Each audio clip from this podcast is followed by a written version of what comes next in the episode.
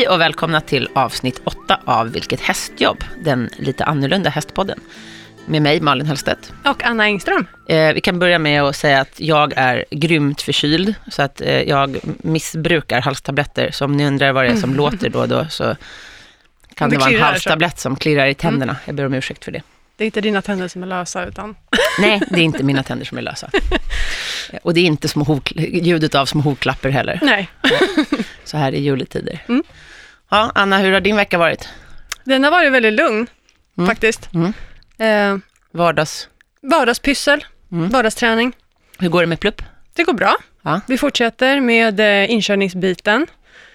Med vagnen? Ja. Ja, kör ni i ridhuset? Ja. En liten fråga, Mm. för jag kom på en grej. Ja. Jag håller ju på att köra in Silver, Mm. min andra miniatyrhäst. Mm. Eh, och jag har ingen riktigt bra vagn. Nej. Så då tänkte jag att han och jag kanske kunde få komma till dig.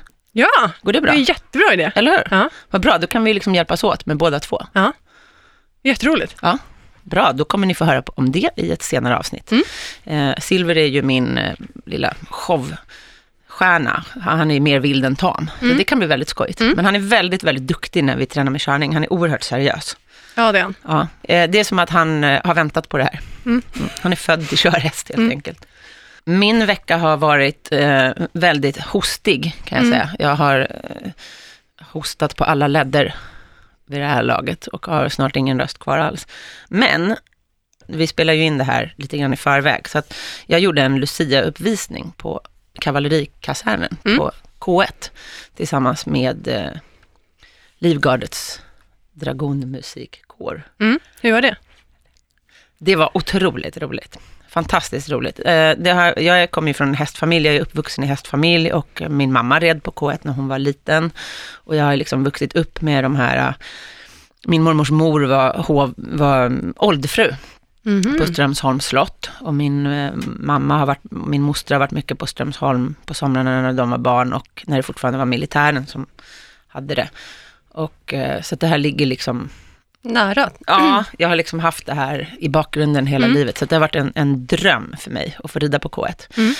Eh, så att jag tyckte det var fantastiskt roligt. Och eh, då red jag två stycken, det var två stycken shower, en klockan 14 och en klockan 18. Och jag gjorde två nummer per show, så Ja. att säga. Eh, ett nummer som jag gjorde själv med min Lusitano hingst, som heter Saragateiro. Och då hade jag klätt hela hästen med lampor. Mm. Så att, eh, det var ganska mörkt i ridhuset och så var han liksom, han hade lampor i manen och han hade lampor på huvudet och han hade Det lampor. är som, typ som granbelysning. Att man ja, klär precis, in... precis. Exakt som julgransbelysning, små lampor. Och på ryggen och på benen, så Mm. det blev liksom en väldigt snygg hästsilhuett. Mm. Vad häftigt. Jag hade rysk, ryska kläder, men inga lampor på mig, så att, ja, jag tyckte det blev jättefint. Mm. Och det blev väldigt uppskattat. Och sen gjorde vi ett nummer till eh, ett medley från filmen Frost, Disney-filmen. Mm. Och då var det jag på Saragateiro i damsadel och jag var då utklädd till den här prinsessan Elsa. Jaha. Ja, i en väldigt slitsad, väldigt tight klänning Oj, satt jag oj. där och peruk. Såg lite ut som dig, Anna. Ja. Ja, tight Blond och klänning. utmanande. Ja, exakt. Tack. Varsågod. Jag var väldigt snygg. Eller ska jag ta det som att jag ser ut som en prinsessan Elsa? Du kan ta det som en komplimang. Ja, Ja, men jag hade klätt det. ut mig till Anna allihopa, bara så ni vet. Och sen hade jag även eh, med mig Sara, Mm. 12 år då, min lilla sidekick som red på Vaut. Och hon var då utklädd till prinsessan Anna. Mhm. Eh, Hon hade inte så tajt klänning, tack och lov, utan en längre, lite mer ja, fin klänning. Och eh, sen var även Anna Spaton, min högra hand, var med med lilla Silver. Mm. Och Silver var utklädd till renen eh. Sven, heter renen. Anna var utklädd till han som heter Kristoff, som har renen. Och eh, Silver var utklädd till renen Sven. Och på ryggen hade Silver snögubben Olaf. Nej, vad gulligt. Det var väldigt uppskattat Ja. också. Så det var fantastiskt roligt. Jag har faktiskt också varit på K1. Ja. Du och Winnie, Mm. gud vad roligt. Vi har ju haft... Spelade han trumpet? Nej. Tuba, tuba. Tuba. Han måste... Vi gick ju in med Oden och Tor. Eller de ledde Winnie in genom Aha. där ridhuset. Ja. Det var ju en familjedag. Mm. Så eh, vi var där och så hade vi en liten, en liten uppvisning, en liten trickuppvisning. Mhm. Mm. Okej. Ja. Så de stod och spelade Ja. eh, på sidan av och sen så kom Inne ju... i stora ridhuset? Ja, precis. Med folk och, ja, det var väldigt uppskattat. Vad kul. När vi var där så hade, fick Silver låna Tors box. Oj, han Så måste att, ha drunknat eller Ja, något också. och Tor är ju då, för de som inte vet, en av pukhästarna och pukhästarna är shirehästar. Det är alltså Mm. världens största hästras. Och eh, de har tre stycken som heter Oden, Tor och Erik. Och just den här dagen så var Erik och Tor bortresta, så det var bara Oden som var hemma. Mhm. Så han stod, han och Silver stod bredvid varandra i varsin Nej. box. Det såg otroligt roligt ut. Silver 78 centimeter och Oden 180 centimeter. Mm. Det är enorm skillnad på de där två hästraserna. Verkligen, men de har samma frisyr. Alltså. Mm, alltså hovskägg, alltså eh, Winnies pannlugg eller man var ungefär eh, i eh, Tors liksom, alltså ho- hovskägg. Hovskägget var, ja, fotbeklädnaden. Han hade nästan mer hår på fotbeklädnaden än vad Winnie hade. Winnie stod bredvid och såg ut som en sån här afterski-sko. Ja, lite. En golvmopp. Ja. Ja, nej men nog om det.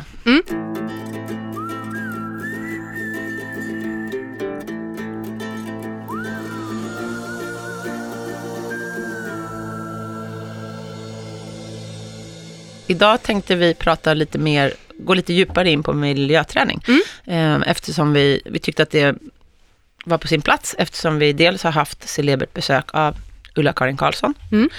och även av fantastiska William Nilsson Fryer som pratade om beteende och inlärning. Och, eh, då Och problemhästar. och problemhästar, men Mm. även då Mm. ja, miljöproblem kanske. Mm. Så då tänkte vi att vi skulle fördjupa oss lite grann i hur vi, hur vi miljötränar helt Mm. enkelt. Miljöträning, Anna, Mm. vad är det egentligen? Miljöträning är att utsätta individen för obekväma saker. Det låter väl som en ganska bra sammanfattning. Och varför miljötränar man? Och varför är de obekväma? Mm. Ehm, då menar ju inte vi obekväma som att, som att det är något som hästen tycker är olustigt. Nej. Utan det kan ju vara alla möjliga eh, ovana situationer. Mm. Ehm, hästar är ju flyktdjur så att man måste alltid utgå ifrån det. Mm. Eh, och varför hästen reagerar på olika sätt för vissa saker. Mm. Vissa hästar till exempel är, är av naturen väldigt trygga. Och sen finns det de som kanske är rädda för ett löv eller Mm. ett kolapapper. Och då måste man liksom bryta ner problemet. Varför sker detta? Mm. Varför miljötränar du? Du är ju också intressant. För att Mm. du har ju väldigt olika hästar, Winnie och travhästarna. Mm. Ser du likheter i miljöträningen? Ja, det är ju för att ha dem eh, säkra, känner jag. Ja. Ja, men, Och hur eh, menar du med säkra? om jag ska ta en häst från plats A till plats B och jag behöver möta bilar eh, eller traktorer eller diverse saker som kan komma och störa eller skrämma så vill jag ha dem säkra att gå med. Oavsett om jag sitter på eller om jag har dem i handen. Mm. Men då kan jag ju tänka så här som utomstående. Mm. Det är en sak med dina stora travhästar, men med Ja. Winnie, liksom, han är ju liksom en tvärhand hög. kan du inte liksom...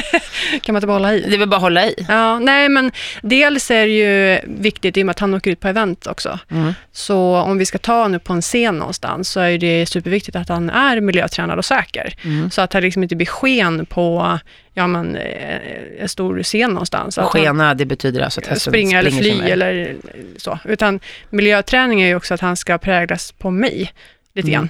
Man Att kan, ju också tänka, tiden- man kan också tänka att det är för hästens egen skull. Absolut. Så att även om du kan hålla i, Mm. han väger ju ändå bara 75 Mm. kilo eller någonting, Mm. ehm, så är det ju mycket för hästens skull. För att Mm. hästen ska bli trygg och eh, självsäker. Mm. Och sen också att i obekväma situationer så Mm. ska ju hästen, om jag hanterar Winnie nu som exempel, Mm. att jag ska vara den trygga punkten. Mm. Att så länge Mm. jag är med så ska det liksom inte finnas någon fara. Nej, jag håller med. Men jag kan också tycka att hästen ska vara trygg i sig själv. Mm. Att den ska inte behöva ha mig som den trygga punkten, utan, för det är inte alltid jag är med. Mina hästar, mm, om jag gör uppvisningar och så, så händer det ju faktiskt att jag behöver sätta upp andra människor. Mm. Till exempel om det är en filminspelning eller en eh, fotografering. Eh, och då står jag en bra bit bort från kameran, det gör ju även du, Mm. när Winnie spelar. Mm. Så att, eh, jag tycker att det handlar också mycket om att hästen ska vara den trygga punkten själv. Mm. Att den ska ha så pass bra självförtroende och känna sig så pass Absolut. säker i alla miljöer. Mm. Så att den litar på sig själv och sina egna. Till att börja med kommer den att behöva mig som eh, den trygga punkten. Men ju mera situationer vi går igenom, desto större självförtroende och ego får hästen. Mm. Desto mer känner den att den klarar av själv. Det är likadant med människor. Eh, när man åstadkommer någonting så växer ens ego. Mm. Eh, och man får liksom en känsla av tillfredsställelse och eh, boost helt Mm. enkelt. Man kanske börjar med väldigt enkla situationer med en yngre häst. Mm. Och sen ser man hur hästen växer med uppgiften. Mm. jag. Absolut. Absolut. Och jag jobbar ju framförallt med tryck och eftergift Mm. till att börja med. Och sen senare även med positiv förstärkning. Mm. Eh, varför jag gör det i den ordningen är för att jag vill att hästen, ofta har hästen fullt upp med att tänka på utan att jag kommer med en positiv förstärkning, alltså klappar den eller ger den en godis. Eh, så att i början, om jag ska till exempel närma mig någonting som är läskigt, nu tar vi det här väldigt basalt, eh, gå över en eh, pall till Mm. exempel. Nu tar jag bara ett exempel. Eh, då kommer hästen ha fullt upp med att fokusera på pallen till att börja med.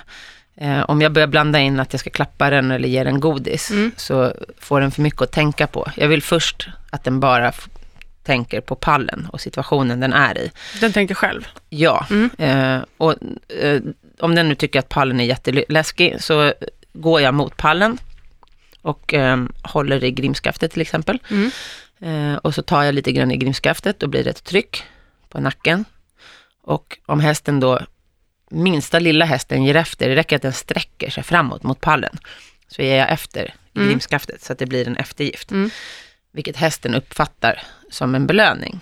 Men om, det, om den istället gör tvärtom, att du, du ger trycket och att den kastar sig bakåt. Håller du kvar eller håller jag emot. Du håller, du håller kvar? Mm. Ja.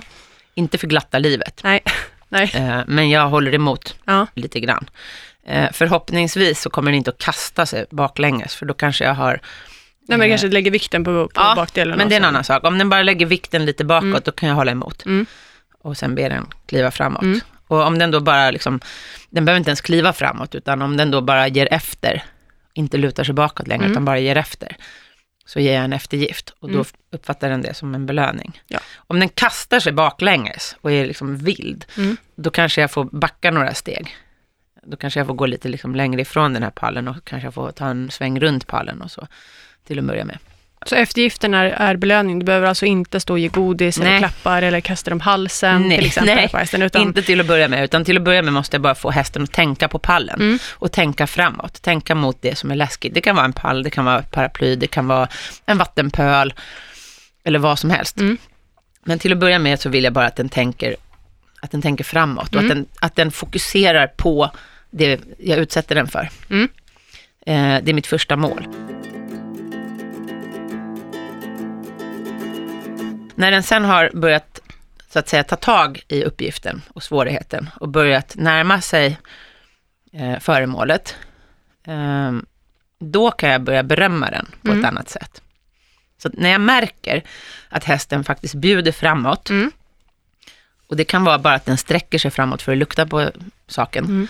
då kan jag börja berömma den, Mm, Okej. Tycker jag. Mm.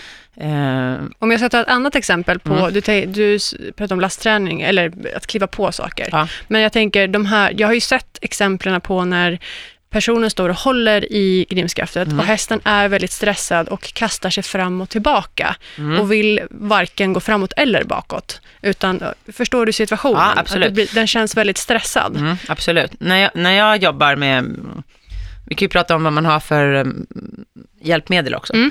Eh, miljöträning, det kan ju du göra när du vill. Man kan göra antingen avsuttet, då kan man ha en grim, ett grimskaft, man kan göra det uppsuttet i sa, när man Mm. rider, man kan göra det när man kör. Eh, ja, tömkör. Men steg ett tycker jag är kanske bara grimma och grimskaft. Och jag har också ofta ett spö med mig, Mm. eller en pinne. Alltså, jag har ju inte ett spö för att bestraffa hästen, utan jag har ett spö för att dirigera hästen, som Mm. en förlängning av min arm helt enkelt. Mm. Och då lär jag hästen innan jag börjar eh, närma mig föremålet. Mm. Så om jag står med, eh, framför hästen, tittar hästen i ögonen och håller spöet på min, i min högra hand, då ska hästen flytta sig lite undan för spöet. Mm. Åt sitt höger blir det då. Ja. Mm. Om jag håller spöet i vänster hand, så ska hästen flytta sig lite grann åt sitt vänster, så att Mm. säga.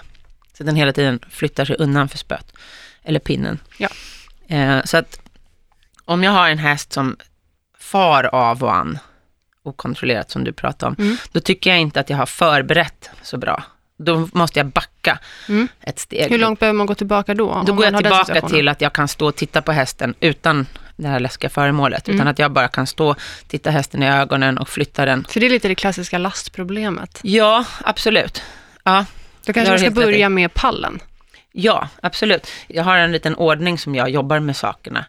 Eh, som jag tänkte att vi skulle gå igenom. Då brukar jag börja med eh, saker som man går över. Jag Mm. börjar inte med liksom, hästtransporten, för den är ganska läskig i sig, utan jag bryter ner det i, i tre olika steg. Mm. Och då brukar jag börja med saker som man går över, till exempel broar eller vattenpölar och sånt där. Eh, för hästar är flyktdjur och de är väldigt rädda om sina ben. Mm. Så att eh, de tycker att det är, det här måste ju du märka till exempel om du är ute med en travhäst, så tänker jag mig att den kanske skyggar för en vattenpöl och sådär. Mm, ja, det, det, alltså, travare är visserligen väldigt stabila. Mm. Då, I och med att de är inkörda vid väldigt tidig ålder så brukar de, in, alltså, de brukar bli väldigt stabila. Absolut, men, Men- även de är ju liksom tränade. Absolut, Förmodligen är de stabila för att man har börjat träna dem väldigt tidigt. tidigt ja. ja. Så är det. Eh, jag brukar försöka tänka på att göra saker så självklart som möjligt. Mm. Alltså om, om hästen är rädd för en vattenpöl så ignorerar jag det. Jag går igenom vattenpölen. Mm. Och då brukar hästen följa efter mig för att jag är ledaren och jag är trygg. Eh, och med ledare så menar inte jag något negativt, alltså att hästen är kuvad under mig eller något sånt. Det är inte det som är att vara en, en bra ledare. Utan att vara en bra ledare är att hästen vänder sig till mig. om Visa den, vägen. Ja, och Mm. hästen vänder sig till mig om den är osäker i en situation. Mm. Och då talar jag om för den att det är inga problem. Men så jobbar vi med Winnie. Exakt. Och att vara en ledare, det är också ett väldigt stort ansvar, för jag får aldrig sätta hästen i en situation där den känner sig osäker. Nej. Eller, Det stämmer. mm. Det tränar vi ju väldigt mycket på. Ja, och Samma det har vi ju gjort med- jättemycket med Winnie. Ja. Att, att du, han alltid ska kunna Det är ju vända sig nästan till det enda vi tränar. Precis. Att inte försätta hästen i en obehaglig situation. Och upp, skulle det uppstå en obehaglig situation som kanske jag tycker är väldigt obehaglig, så backar jag ju undan från den. Men du får inte visa för hästen att Nej, men man, man, man avvisar innan det händer någonting. Ja, exakt. liksom. Jag brukar se det som att det är jag som försätter hästarna i situationerna Mm. jag ber dem att utföra. Och då måste jag även vara den som tar dem därifrån innan de blir Rädda. nervösa. Ja. Precis. Så att de alltid, man alltid slutar när hästen är trygg. Mm. Då får man en häst som blir modigare och modigare. Och om Men- vi går tillbaka till Mm. de här sakerna och går över då. Jag brukar se det lite grann som saker som kan bita dem i fötterna. Mm. För det är så de, Okej. de tänker. Ja. Eh, en häst skyggar för en vattenpöl. Vi tycker att, ja men gud vad löjligt, det är två liter vatten på marken. Det vet inte hästen. Hästen ser bara ytan. Den vet inte, det kan vara det tre meter djupt, Mm. exakt. Eh, så man måste alltid försöka tänka så, hur en häst tänker. Samma med till exempel klassiskt i bensnören på täckena. Vissa hästar blir livrädda när man, kommer med, när man tar bensnören runt benen på dem. Så att eh, jag börjar med sådana här saker där de får gå över en vattenpöl, gå igenom en vattenpöl. Och, eh, Man kan ju bygga en vattenpöl för att öva på också. Exakt, gå på en bro. Mm. Lastpallar är väldigt bra då Mm. till exempel. Och då gör jag precis som det här som vi pratade innan, om att jag använder tryck och eftergift och jag ramar in hästen med spöet, Mm. eller pinnen då. Så att hästen hela tiden lär sig att tänka framåt Mm. mot målet.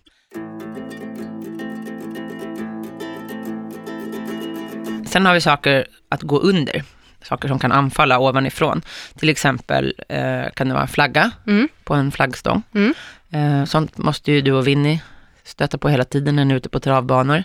Det är sånt där, som, Ja, man, ja, precis. det Ja, är sånt där som man kanske inte tänker på som hästägare. Nej, jag har faktiskt varit med om att det är häst, inte alla, absolut inte alla, väldigt få, men det finns hästar som har kommit till Solvalla och ska gå premie. De har Mm. inte varit inne på banan, Nej, utan de kommer in första gången och ska prestera. Mm. Då på Solvalla står premielopp är som ett... Eh, Ja, det är typ in, introduktions... Ja.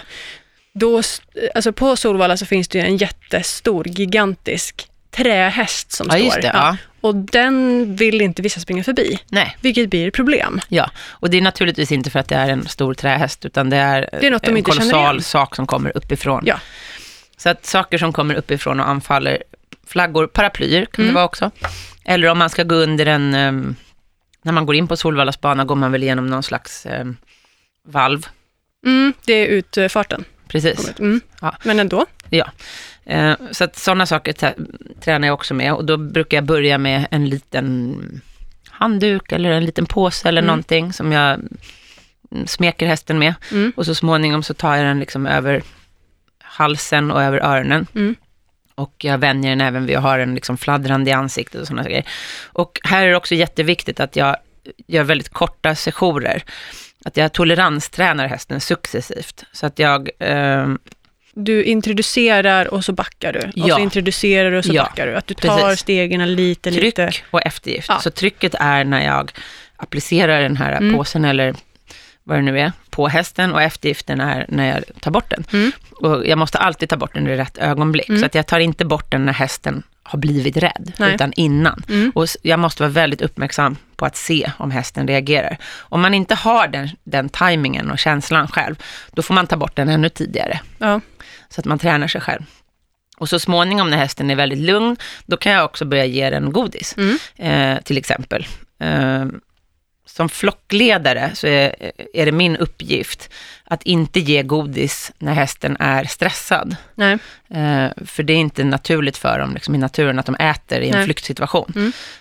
Vilket också kan vara viktigt att tänka på. Mm. Utan att när det är en trygg situation, då kan jag som flockledare säga varsågod och ät. Mm. Och det kan jag också utnyttja om det är en situation där jag, där jag ser att hästen är kontaktbar. Då kan jag även använda liksom mat som en förstärkning på det här. Att ah, men det är jättetryggt, varsågod och ät. Men när du och jag tränar så är det ju... Du introducerar det nya tricket därför att du har ju tajmingen. Och Ja, jag precis. blir ju personen som ger godis. Ja, precis. Mer exakt. när du och jag tränar Winnie. Precis, jag och Anna jobbar ju ihop med Winnie och för att optimera träningen Mm. så lär jag in de nya trycken. Det är väldigt smart att vara två. Ja, det är väldigt praktiskt. Ehm, det blir mycket kvickare Mm. och vi kan komplettera varandra. Mm. Det händer ju att även jag har fel timing om jag är ouppmärksam. Och Fast då då ger ju inte jag godis. Jag ger ju godis när du klickar. Ja, Så jag är ju hela tiden med på, på liksom belönings... när vi jobbar med Winnie så använder vi klicker. Och eh, jag klickar när jag ser det önskade beteendet. Mm. Och eh, då ger Anna godiset. Mm. Och på så sätt lär ju jag mig eh, Timing. timing också. Precis. Mm.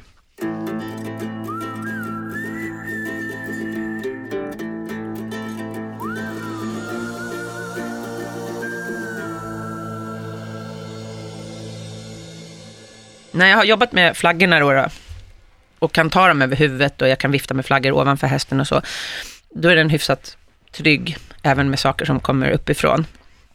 Då kan, jag kan ha paraplyer och så. Då tränar jag också att lägga till exempel en handduk över ansiktet på hästen, så att Mm. den liksom vänjer sig vid att den inte ser något. Mm. Men jag tar bort den så fort jag tycker jag har ett uppnått eh, ett lugnt och sansat resultat. Och sen kan jag liksom öka tiden. Mm. Eh, Jag kan även träna hästen på att kanske ta ett steg med handduken då, till exempel över ögonen, Mm. eller ett paraply framför ansiktet. Och så småningom kommer hästen att följa mig, även om den är så att säga blind. Mm. Eh, Då kan jag också börja gå igenom saker, som tunnlar och skynken och underpressändningar. Ja, Mm. och då har jag en ganska bra bas. Bas. Ja. Precis, för att gå in i en trailer sen. Eh, för det här är ju, alla, alla de här grejerna är saker som begränsar synfältet. Mm. Eh, vilket är ganska obehagligt för flyktdjur. Mm. Flyktdjur vill ha fri sikt åt alla håll. De vill gärna stå på en liten höjd. Det är också därför som de tycker att pallar och sånt är väldigt Mm. roligt, som vi har pratat om i tidigare program. Att de tycker om att komma upp lite grann, för då ser de mer. Men miljöträning är med andra ord tillit. Ja, man man, tränar Mm. tillit med sin häst. Ja, tillit både till mig och till sin egen Mm. kapacitet. För hästen litar mer och mer på sig själv. Eh, Så när jag, när jag har tränat på att gå igenom saker då, då kan jag börja introducera transporten. Mm. Och då brukar det inte vara något större problem. För att har jag gått på, på pallar som gungar och klompar och låter och även har tränat hästen med att ha saker över huvudet och sånt, då brukar de inte tycka att hästtransporten är big deal. Nej. Ehm, många tränar hästtransport med öppen eh, dörr fram. Mm. Så att hästen ska kunna gå igenom transporten Eller se en utväg. eller se en utväg. Jag rekommenderar inte det. Det här är ju min Mm. personliga eh, åsikt nu. Men jag rekommenderar inte det. För att jag har varit med om hästar som har hoppat över bommen. Okej. Så jag tycker personligen inte att hästen ska veta att det finns en utväg fram. Nej. Jag tycker att om hästen måste veta att det finns en utväg fram, då har man inte gjort grundjobbet tillräckligt bra. Mm. Jag tycker att den ska vara så trygg så att den går in i transporten, även fast det är en, en återvändsgränd där inne. Ja. Jag, har, jag vet flera situationer, in, inte som jag själv har varit med om, men där jag har fått berättat för mig.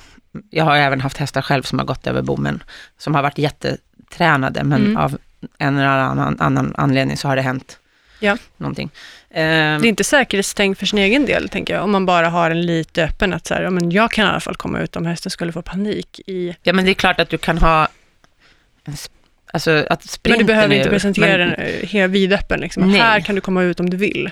Jag tycker inte att hästen ska veta att Nej. den kan komma ut där om den vill. Nej. Absolut inte. Mm. Därför hästar, en häst som blir, får, får panik, den ser inte att dörrspringan är alldeles för liten. Den ser bara en utväg. Mm. Jag har varit med om, det här är många, många, många, många år sedan när jag var väldigt ung och inte kunde i närheten av det jag kan nu. Eh, då hade jag en häst, som, eh, en ung häst som vi tog in i trailern. Det var inga som helst problem. Den gick rakt in, vi la på bommen, inga som helst problem. Vi följde upp luckan, inga problem. Sen stängde vi över luckan, du vet den lilla luckan högst Ja. upp.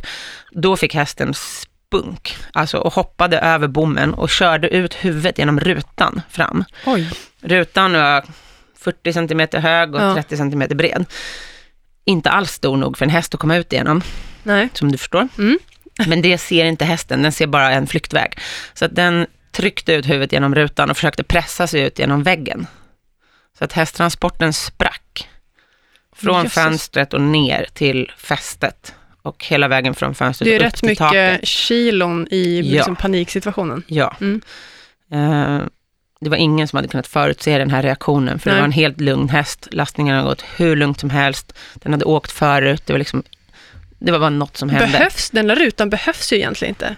För det är många häst, och hästtransporter som inte har den. Vi Ja. har ju en som inte är så. Ja, jag kan tycka att den kanske behövdes förr innan man hade kameror. Mm. Numera finns det kameror jag har alltid kamera i hästtransporten Mm. för att se vad hästarna gör.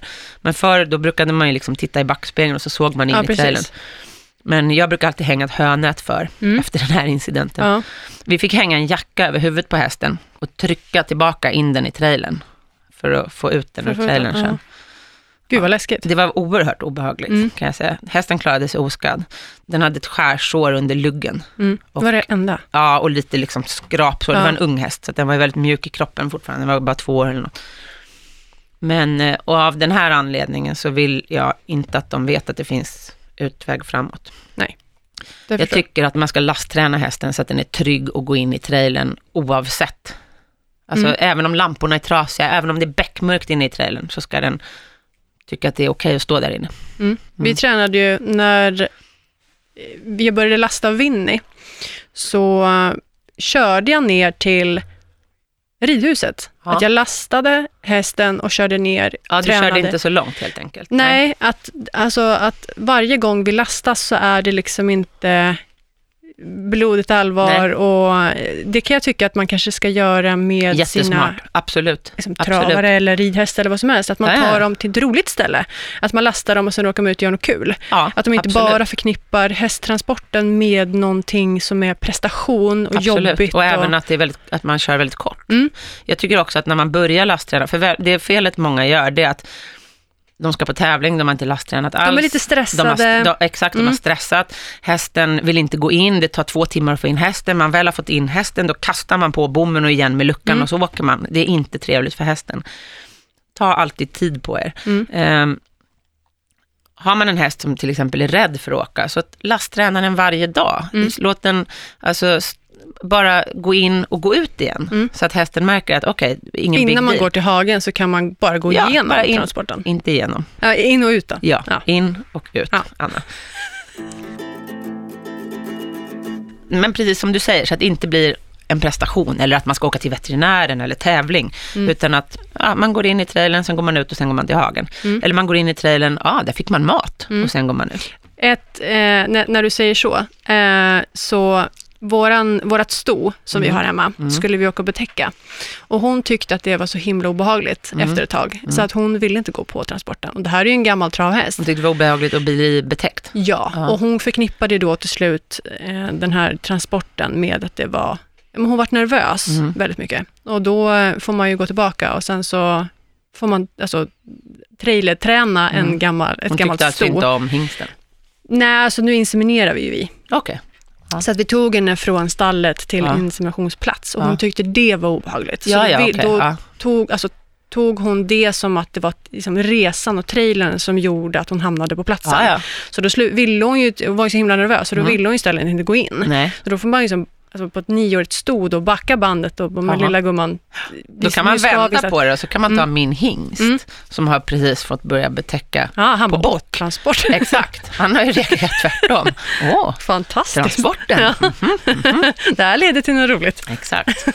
Ja, nej, men om vi går vidare i miljöträningen då. En, Mm. en annan eh, sak som jag tycker är väldigt viktig, som man kanske inte tänker på, det är ljudtolerans. Ja. Eh, för många hästar är väldigt ljudkänsliga och eh, då tränar jag dem med ljud helt Mm. enkelt.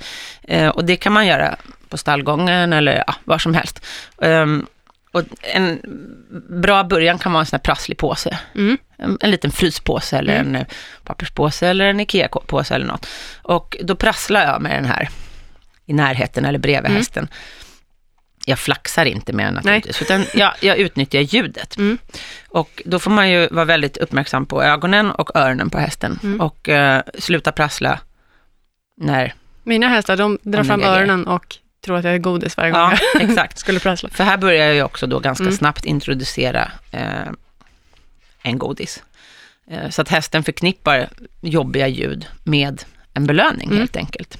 Då blir det mycket lättare. Eh, och då kan man använda papperspåsar, man kan använda i mitt stall har jag en liten plåthylla på väggen som jag har mina borstar i. Mm. Eh, och eh, de flesta hästarna reagerar inte alls, men jag har en häst som reagerar väldigt, väldigt kraftigt, för han är väldigt ljudkänslig, på det här eh, när det liksom slamrar i plåten. Mm. Och då har jag ju ljudträn, den hänger dessutom så att den, hyllan hamnar liksom bakom hästen när hästen står på stallgången. Mm. Så att det här ljudet kommer dessutom bakifrån. Och då har jag jobbat jättemycket med det, att jag liksom skramlar i den här hyllan och sen ger jag hästen en godis. Mm. Och från början var han ju jätte, jätte, jätte, jätterädd Mm. när jag skulle ta borstarna för att Ja. det slamrade mycket. Och, eh, men sen har han ju blivit, aha, jätteuppmärksam. Jaha, okej, nu låter det lite obehagligt, men... Nu prasslar det nej. där bak. Ja, Då- men vänta nu, Mm. jag brukar få en godis. Ja, men då blir jag lugn. Mm. Så att man kan vända det läskiga till någonting positivt. Mm, absolut. Men du, alltså, du förespråkar att om det är så att hästen är rädd för någonting i stallet, så ska man göra det och eh, ge en belöning i form av godis. Det är inte klapp. Det kan vara en klapp också, det beror på Ja. vad, hur hästen... Men, men om vi går tillbaka till det här med att flockledaren talar om Mm. att i en trygg situation kan man äta. Om man utnyttjar den Mm. reflexen, Mm. så kan jag ju... Flockledaren kommer inte att klappa den andra hästen. Nej. Nej. Eh, Jag kan ju klappa hästen, liksom smeka den och så, men, men det är mer naturligt för hästen att jag talar om för den att ah, det är lugnt, du kan äta. Mm. Så att jag använder mer av, av det. Naturliga, deras naturliga beteende. Ja, liksom. precis. Ja. Om man jobbar med hästar så tittar jag ofta på att de, att de tuggar. Mm. En häst som förstår och kommunicerar brukar börja tugga. Mm. Det, faktiskt, faktiskt gör hundar det också. Så det är en sån där grej som man kan titta på om hästen liksom slappnar av i underkäken och börjar mala lite Mm. grann med tänderna. Då brukar det betyda att ah, nu har den kopplat. Mm. Nu kommunicerar den Mm. tillbaka, nu är den lugn. Eh, jag kan även, Det, jag tänkte bara på det här Winnie gör. Jaha, jaha, jaha, jaha. När folk frågar vad han Ja. gör. Jag har även varit med om hästar som har varit extremt spända. Mm. Ehm, där har jag fått dem att börja tugga och slappna av genom att använda mig av, av ett Mm. reflexen helt enkelt. Mm. Så när de börjar slappna av, eller för att få dem att slappna av, så har jag sagt varsågod och ät, det är lugnt och det här. Mm. Och då har de tuggat och då har det liksom kommit mer automatiskt. Mm. Winnie gör ju någonting, han, han tuggar ju inte, utan han gör ju mer grimaser när han börjar... Jag tror ju att han grimaserar åt dig för att han tycker att du är töntig, men Alltså, så, så, så kanske det, eller så är det säkert, men jag tar det som att han förstår mig. Ja, nej, men han är väldigt rolig. Han Han är väldigt, grimaser. väldigt speciell. Mm. Det är den enda häst jag har sett som, som grimaserar. När han, när han tänker och när Ja, han förstår. Alltså verkligen Det, grimaserar. det är ju visserligen, har ju blivit lite problem på inspelningsplats. När, Ja. när jag ber honom göra någonting så Ja. grimaserar ju han åt mig. Ja, Ja, och jag tar det som att ja, men du fattar vad jag säger. Ja. Men personer runt omkring mig, men gud kan du få sluta få honom att göra så fula miner? det är väldigt roligt. ja, han är rolig. Då blir det ju mer ett, jag ska inte säga ett problem, men Nej. det är ju lite charmigt. Ja. Jag säger så här, men det, det kommer ju gå över. Eller han slutar ju när, ja. han slutar efter ett tag. Ja, ja, han slutar när han har begripit uppgiften och slappnar av. Ja. Så, mm. Men ofta är det så tycker jag att man har, fast då är vi tillbaka på trickträning, Mm. att man kan belöna vissa beteenden, förstärka vissa beteenden om man vill utveckla det till ett, så att säga, ett trick. Mm. Men om vi går tillbaka till ljudtoleransen. Annat bra knep är att använda sig av ballonger till exempel. Mm. Man kan smälla. Mm. Jag som är ballongrädd själv Mm. ska ju inte använda ballonger. Nej, inte om du sticker på ah! och skriker. Då kommer du Jag förmedla helt obehagligt. fel känsla Ja. till hästen. Jag blundar och liksom, ja nej jag tycker Jag funderar, nästa gång jag kommer till dig och mig. kanske vi, vi ska toleransträna dig. Ja, jag tror det. I alla fall med ballonger, för jag Vilket är godis, otroligt choklad, obehagligt. är det choklad vi ska använda? Ja, Mm. Jag smäller ballongen och så sticker jag in en chokladbit i Annas mun. Winnie kommer inte bry sig. Nej. Jag tycker det är jätteobehagligt. Ja. Ja. Lampor, blinkande lampor, sånt, också jättebra Mm. att använda sig av. Man kan använda sig av, um, Ulla-Karin Karlsson, pratade ju mycket Mm. om det. Hon har, eh, som man kan köpa på till exempel Biltema och så finns det så här blinkande lampor som man eh, egentligen ska ha typ vid, man har dem i bilen och om, om man har fått soppatorsk eller något så kan man sätta de här lamporna på bilen så att andra Ah, trafikanter ser Ja. dem. Blixtljuspuck kallas de för. Ja. Eh, och det är en liten, ser ut som en liten, ja men som en puck ungefär Mm. med lampor i, som man kan ställa in på olika frekvenser, Mm. eller olika mm, sek- blinksekvenser helt Ja. enkelt. Eh, och de kan man ju använda, så jag tycker Mm. jag är väldigt praktiskt. Man kan använda sig av julgransslingor som sagt. Mm. Eh, Så, länge det inte, så länge det går på batteri. Ja, absolut. Så att man absolut. inte använder el eller ström. Om man bör använder sig av el och ström, då måste man hänga upp alla sladdar och Mm. kablar ordentligt, så att det inte finns någon risk för att hästen trampar Eller på dem eller fastnar Mm. i dem. Eh, jag är extremt noggrann med att mina hästar aldrig får kliva över sladdar, Nej, utan om man har sladdar miljöträning med säkerhetstänk. Ja. Mm. Och var och när ska man miljöträna då? Jag skulle förespråka ridhuset först. Om man nu ska gå över ballonger eller Om vi, slingor ja, grejer. så- absolut. Om vi tar sådana svåra grejer, Mm. absolut. Men jag brukar se det som att eh, jag miljötränar överallt, alltid. Mm.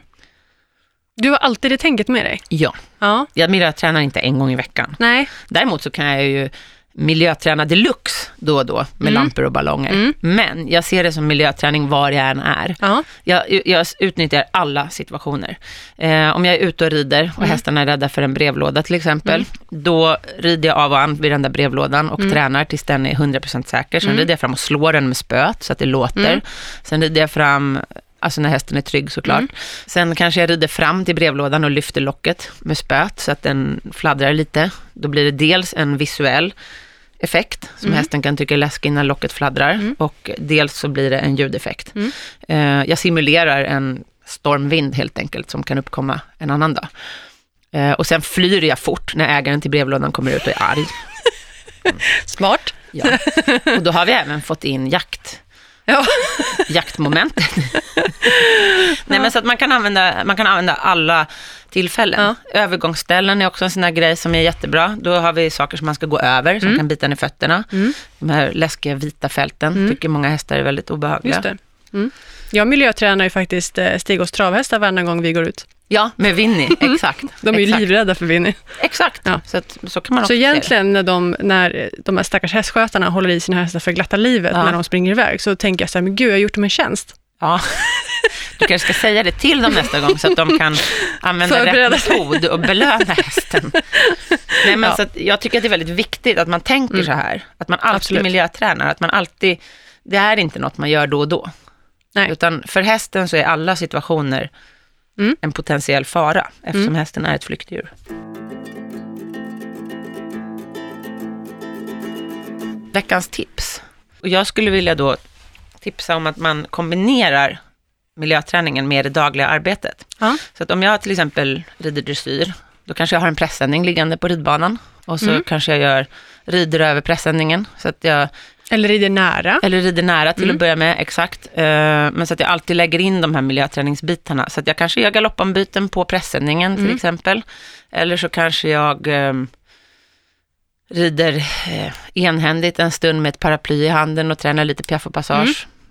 Ja, det här är ju lite överkurs då, då, men att man, att man kombinerar vardagsarbetet. Eller om man till exempel är ute och kör med sin travhäst, Mm. Så kan man också ha... Hänga upp lite slingor, Ja, exakt. Ljusslingor i Precis. skogen. Hitta på saker. Mm. Eller man, om man tömkör så kan man också ha en pressändning som man går över. Mm. Eller ja, man tränar hoppning till exempel, kan man smycka hindret Mm. med läskiga saker Mm. som man hoppar Ja, över. Men om man har en slinga man alltid kör på, Mm. så kan man ju byta plats på olika saker. kan man också göra, För jättebra det, idé. hästar är ju väldigt sådär, de, de ser, Man ser ju, direkt. ja, om de har bytt plats, och då blir de lite mera på tårna. Absolut, det är Mm. en jättebra idé. Mm. Ställa ut koner Mm. eh, enkelt, eller regntunnor Mm. till exempel. Precis. Eh, Jag brukar också när jag är ute och rider, om jag rider i skogen, då brukar jag ha, slå på saker med spöet. Grenar och grejer. eller? Grenar, brevlådor till Brevlådor. exempel, som jag sa. Staketstolpar, Ja. alltså för att ljudträna hästen. Mm. Eh, Så att man använder fantasin. Mm. Det är mitt tips. Mm. Miljöträna hästen i alla situationer och utnyttja alla tänkbara miljöer. Mycket bra tips. Har du något att tillägga? Nej, inte tillägga, men eh, jag tänker ju väldigt mycket på eh, just det här med att, att köra in sin häst kan ju vara en väldigt bra grej. Därför att när, Jättebra idé, absolut. när man inte kan rida eller att man varierar träningen. Ja, Och när du Absolut. kör den så vagnen slår ju och skakar otroligt mycket. ja. Så eh, travarna är ju väldigt miljötränade i ljud. De Ja, brukar ju är de. väldigt sällan reagera på ljud. Jag, har, jag har ju alltid haft väldigt stor respekt för körning, men Mm. jag är mer och mer Mm. eh, försöker att lära mig och nu håller jag ju på att köra in silver. Mm. Jag tänker att det är smart att börja med en pyttehäst, men Mm. sen vill jag köra in de andra också. Just för att det är så himla bra miljöträning.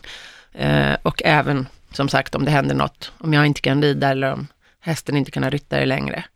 Det pratade precis. ju Ulla-Karin om också, Mm. att hon körde in utter. Och så har man en ridhäst om man skulle situation. vilja det så får man ju, man ska inte egentligen göra det själv, tycker inte jag att man ska göra, utan man får ta hjälp av någon.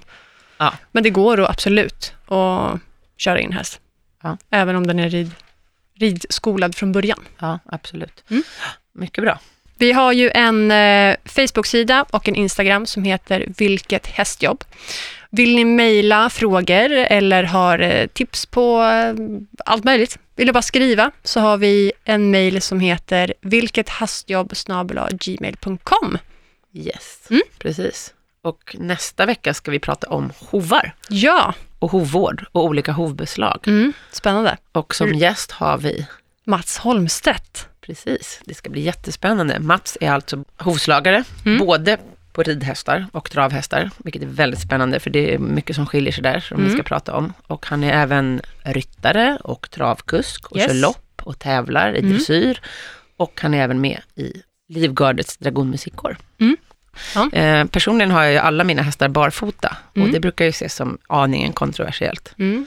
Och i travsporten har vi ju bara, alltså tränar vi med skor, men däremot så de högpresterande hästarna i de största travloppen så rycker man ju faktiskt skorna. Precis, och Mm. det är ju oerhört spännande. Mm. För på ridsidan, där om en häst tappar en sko, då är den ofta obrukbar, Mm. så länge den har en tappsko. Mm. Medan på travsidan, då rycker man av skorna när Mm. den ska högprestera. Mm.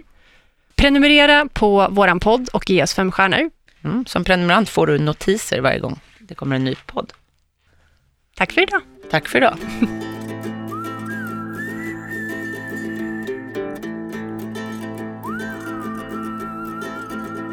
produceras av I Like Radio.